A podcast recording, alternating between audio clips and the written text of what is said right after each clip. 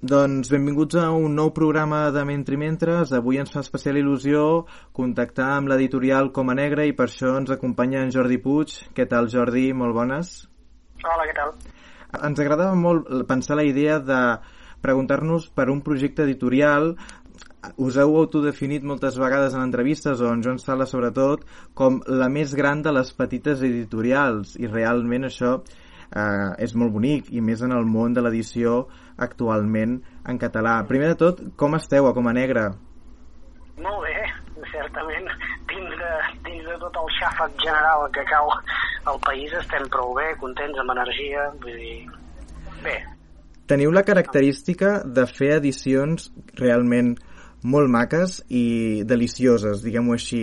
Uh, ara acaben d'arribar totes les novetats eh, d'aquest primer trimestre i una d'elles és eh, els contes foscos de l'Edgar Allan Poe però també eh, sortia el nou llibre del Jordi Cussà el primer emperador de, el primer emperador i la reina Lluna clar, d'entrada et volia preguntar per aquesta gran diversitat de llibres que d'entrada podem trobar a Coma Negra des d'aquests clàssics eh, que porten el títol d'aquestes col·leccions portàtils fins a les narratives com ara el nou llibre del Jordi Jordi Cussà.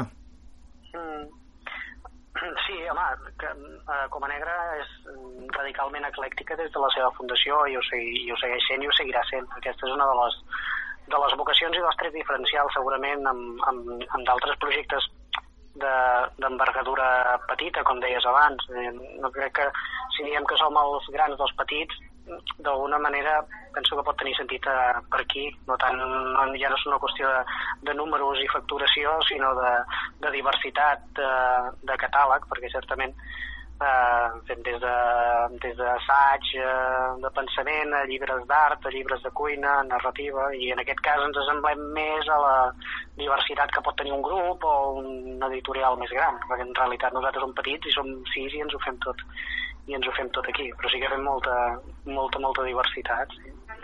I ara parlàvem d'aquestes diferents col·leccions. M'agradaria que en parléssim de, de la singularitat. Ara parlàvem dels contes que, formo, eh, que formen part d'aquesta col·lecció de portàtils, que, que eh, va aparèixer fa poc la Clarice Linspector amb els, les restes de Carnaval, havia aparegut una traducció molt bona de l'Anna Ponsó de, eh, de, la, de les petites faules de Kafka, però també ara ah. dèiem l'Edgar Allan Poe. Eh, ah. Quina és la singularitat d'aquestes col·leccions que com a Negra edita? En el cas de portàtils hem volgut una col·lecció que privilegia el conte eh, com a com a gènere literari de, de primer ordre, que, que, que, que està certament un pèl desatès, segurament, eh, perquè l'infravalorem a vegades com a, com a, com a públic el, el, gènere, el gènere del conte i volíem i vam veure que, que ens en podíem sortir en fer una, una col·lecció que, que resseguís els grans narradors de literatura universal i també acollís a grans narradors breus de la nostra literatura, perquè hem començat amb Caldés i Perucho i en farem, i en farem d'altres, els anirem espigolant i, i posant-los eh, de costat amb aquests, amb aquests altres grans narradors. I, I la veritat és que la resposta és, és magnífica de moment, és una de les col·leccions de, de les noves col·leccions, perquè fa un parell d'anys que l'hem engegat més, més engrescadores per nosaltres i, i tenim molts projectes bonics en marxa i, i, i tothom, tothom s'hi agafa amb ganes, sembla. Per tant, és, és, és tot, és tot una, un equilibri de, de felicitats, la veritat. De fet, jo me'n recordo quan va aparèixer el, el gran llibre de les criatures fantàstiques de Catalunya, que la ah. crítica va qualificar com el millor llibre editat en català, i realment ah. d'aquests n'han anat sortint i en sortiran també ah. és una altra de les característiques de Coma Negra, que davant del Perucho o de la Clarice Linspector ens trobem aquest gran llibre, perquè realment és gran llibre en comparació ah. als petits de portàtils. Clar, és això que dèiem, no? La singularitat, abans parlaves dels contes, també ho podíem dir amb la narrativa d'en Jordi Cussà i també amb aquest ah. llibre editat amb uns, unes il·lustracions meravelloses.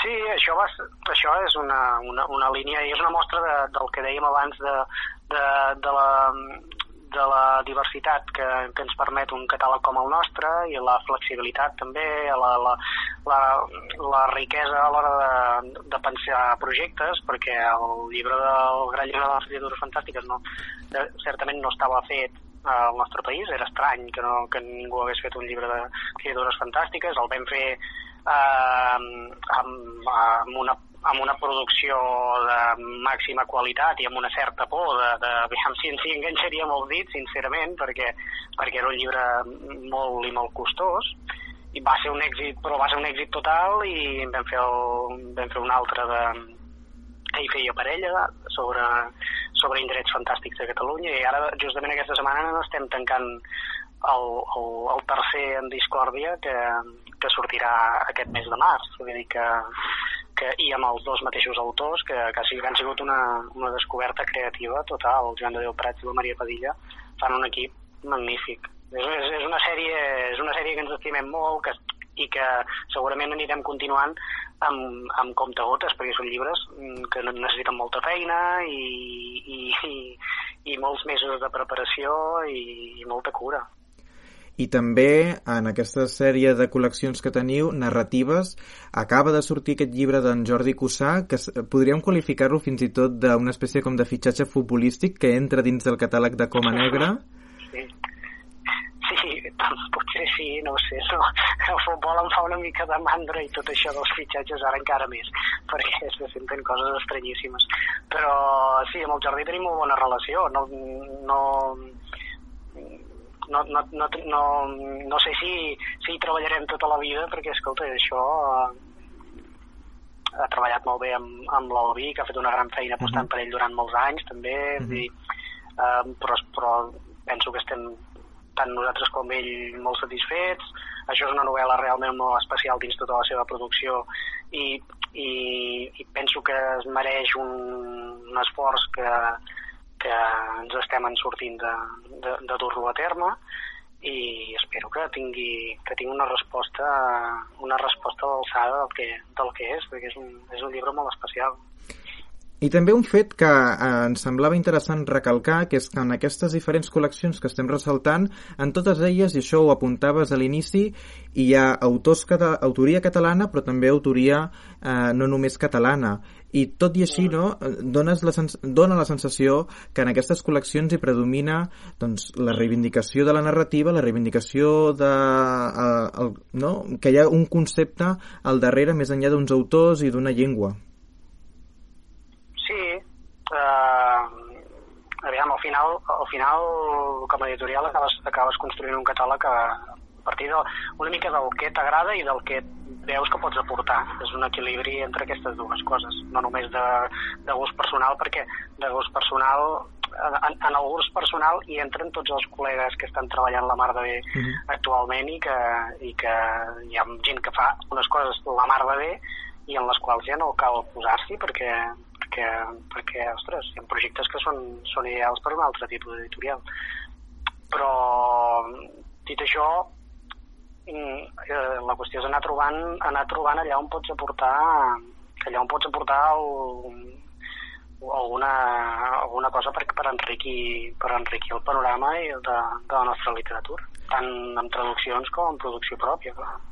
I amb el que fa al públic, des de Coma Negra heu fet un gran pensament de dir cap a quin públic s'adrecen les traduccions que esteu realitzant o l'edició de clàssics o de les autories també que esteu eh, realitzant aquests últims eh, temps?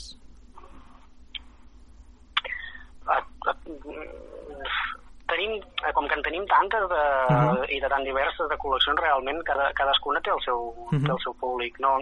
Així com penso que d'altres projectes editorials estan molt més, molt més focalitzats en, mhm. -huh. en, en aquest sentit.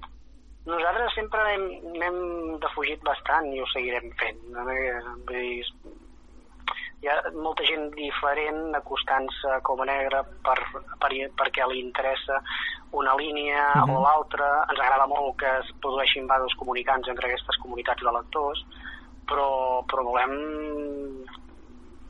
volem acollir-ne el màxim de, comunitats, de, de comunitats diferents de lectors, perquè n'hi ha, n'hi ha, de, ha de molt diverses, evidentment. Doncs moltíssimes gràcies per atendre la nostra trucada. Eh, molta sort i molts encerts a l'editorial. Esperem que aquest Sant Jordi sí que es pugui celebrar i esperem, esperem. també llegir totes les vostres novetats. Bueno, moltes gràcies, ha veritat un plaer i, i seguim. Doncs moltes gràcies, Jordi. Apa. Ara som amb la Marina Laboreo.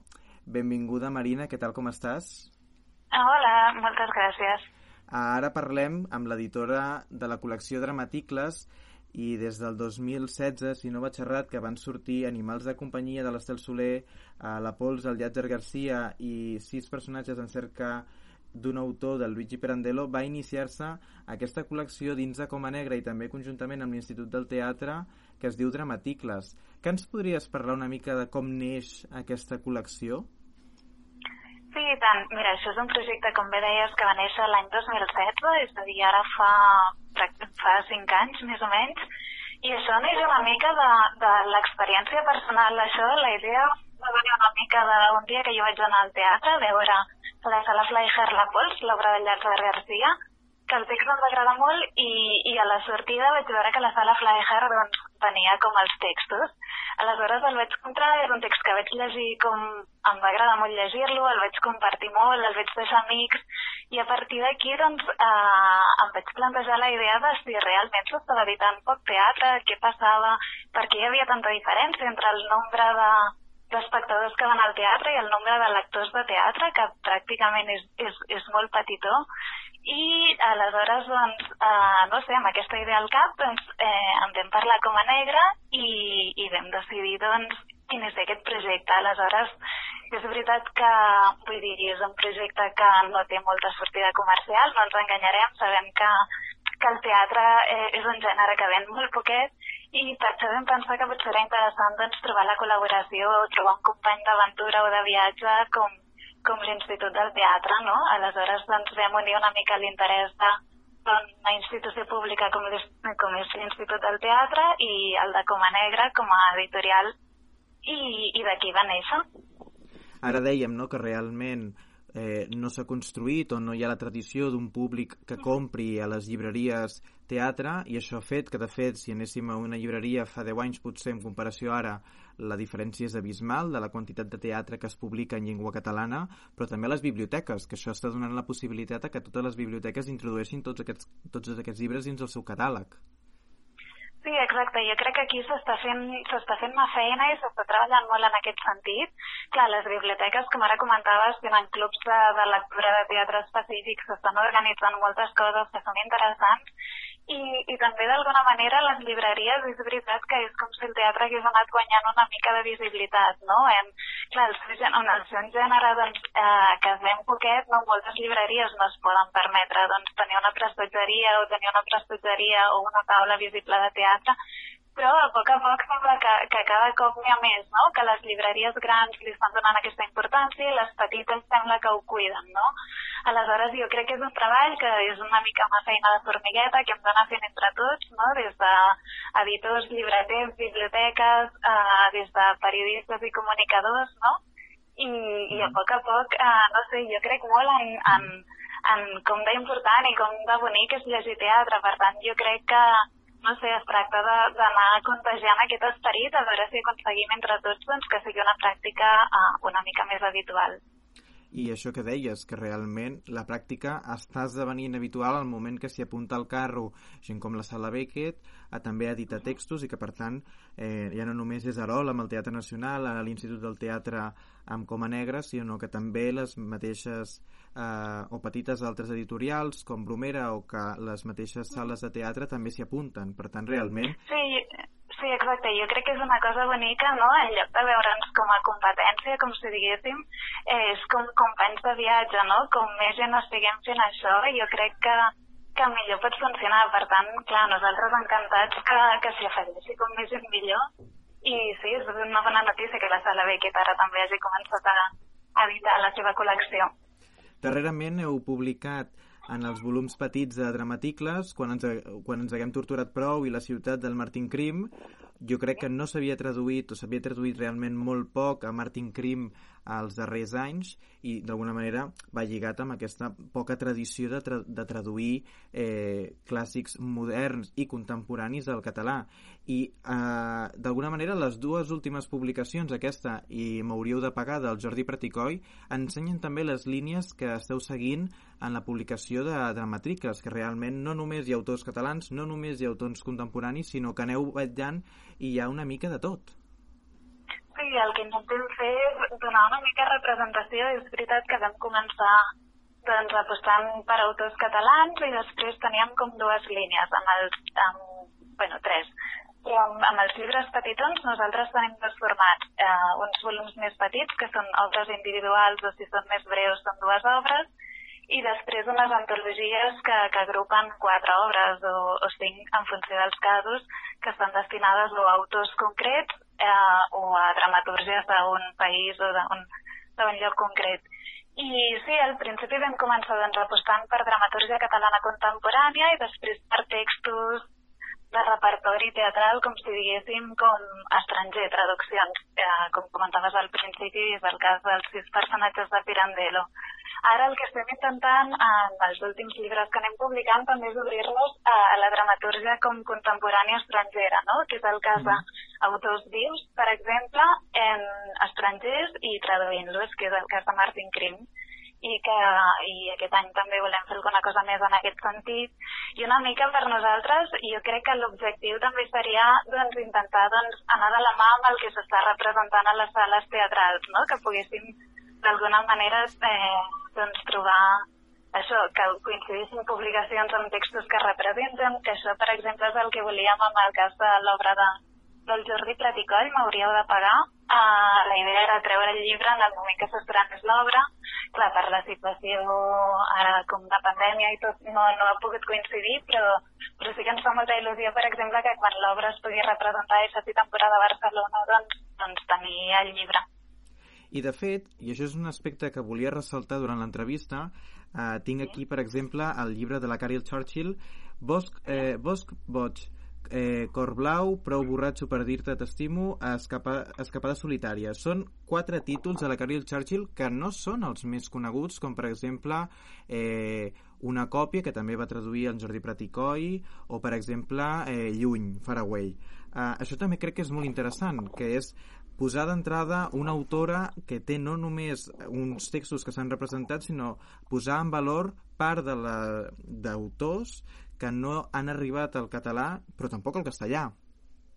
Sí, sí, de fet ho estàs explicant molt bé perquè de fet la nostra idea era ens ve de dedicar una antologia a Carol Churchill i, i aleshores és això, no? plantejar-nos doncs, quins títols hi posem, no? Està bé potser posar-hi alguna cosa més coneguda, però també pot ser alguna menys no? d'estils i de, que juguin amb llenguatges i formes diferents i és això, fins i tot coses que potser en castellà no s'han publicat.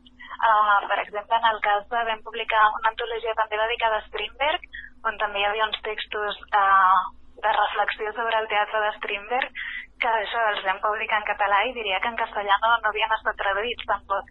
Per tant, sí, és una miqueta doncs, fer aquesta cerca de, de coses que potser no han arribat aquí, doncs doncs, tenir l'oportunitat d'oferir-les.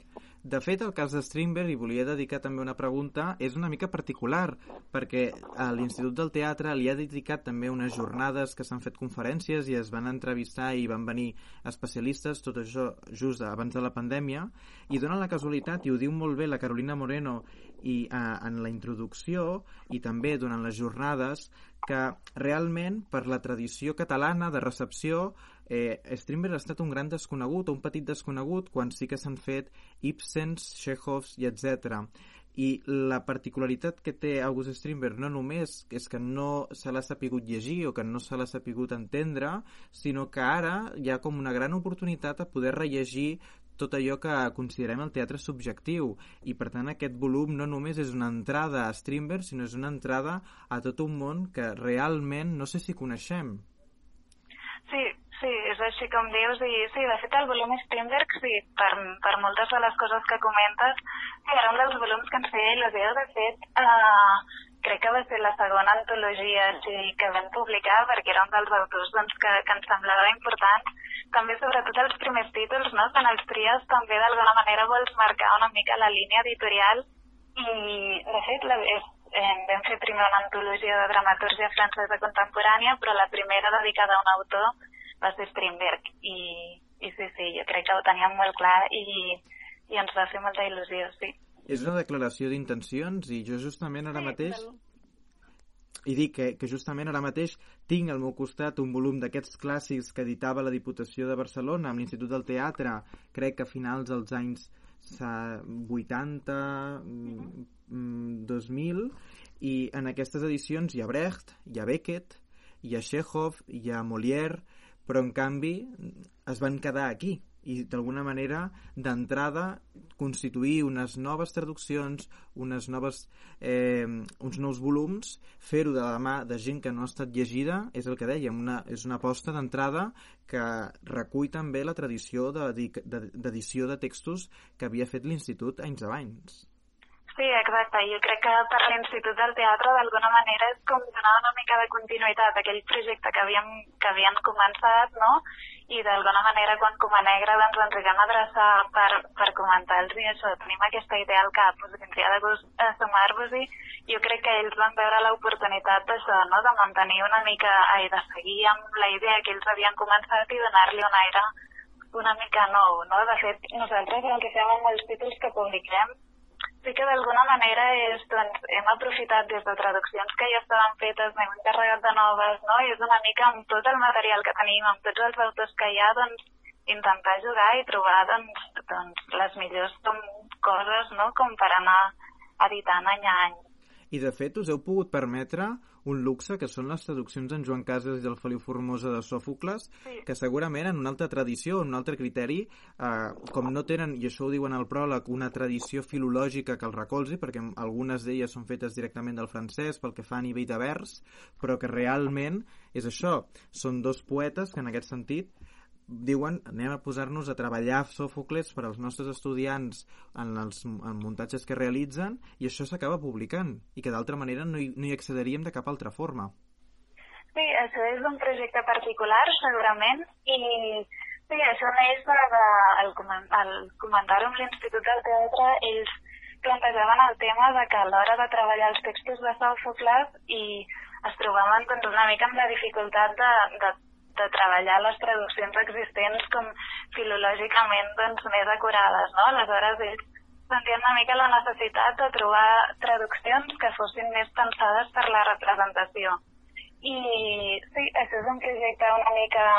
pot tenir un punt arriscat perquè té un punt una mica diferent, però, però sí, jo crec que és interessant també. Ho és molt i per això Marina t'agraïm molt que hagis acceptat la nostra trucada ja per acomiadar-nos ens agradaria saber eh, quin és el futur que li espera en aquesta, en aquesta col·lecció, cap a on creus que anireu, si seguirem descobrint nous personatges de les dramatúrgies contemporànies eh, a nivell mundial i a nivell català, que també que, que creus que hauria d'anar explorant aquestes col·leccions.